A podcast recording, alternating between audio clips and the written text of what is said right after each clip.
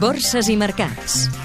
Crònica d'una setmana amb Josep Ramon Ruiz. Comportament dispar de les borses europees enmig dels temors sobre el creixement de l'economia global, la preocupació a una possible retirada imminent de la Reserva Federal nord-americana de les mesures d'estímul a la primera economia del món i també per les pessimistes previsions econòmiques de l'OCDE i la rebaixa de les estimacions de creixement de la Xina per part del Fons Monetari Internacional. Aquí, la setmana que Espanya ha moderat la caiguda del seu PIB gràcies al consum de les llars i a la inversió i ha vist ampliat dos anys els objectius de dèficit públic, l'IBEX 35 ha pujat un lleu 0,67% i se situa en els 8.320 punts. La notícia, però, en el parquet espanyol ha estat la cotització de les accions de Bankia procedents de la seva macroampliació de capital.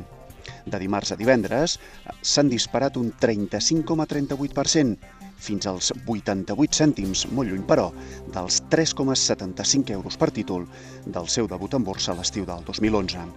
Des de l'1 de gener, la borsa espanyola, a la cua d'Europa, acumula uns guanys d'un 1,87%, tot i que ha tancat el mes de maig amb uns números vermells d'un 1,17%. Cotitzades catalanes. CaixaBank. El seu Consell d'Administració ha aprovat la fusió per absorció amb Banc de València. Gas Natural Fenosa. L'energètica integrarà en una única comercialitzadora tots els seus clients minoristes del mercat liberalitzat a Espanya i Portugal. Banc Sabadell. Ha comprat el negoci de la banca privada del britànic Lloyds a Miami la setmana que ha tancat l'operació per la qual el Banc Mare Nostrum li transmet el negoci bancari a Catalunya i Aragó. La seda de Barcelona. Tanca la fàbrica química de Grècia i liquida la seva filial Artenius Elas. L'euro.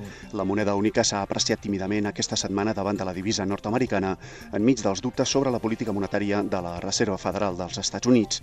Aquest divendres el Banc Central Europeu n'ha fixat el seu canvi oficial a 1,3006 unitats. El patron. El futur del barril de Brent, el de referència a Europa, s'ha baratit al voltant dels 102 dòlars de mitjana, arrossegat pels temors sobre el subministrament per la reducció de les exportacions de cru des de Nigèria i també per l'augment de les reserves de cru als Estats Units fins al nivell més alt des de 1978. Vocabulari financer. Què són les comissions borsàries? Les empreses de serveis d'inversió i les entitats de crèdit apliquen unes comissions als clients que volen invertir en el mercat borsari.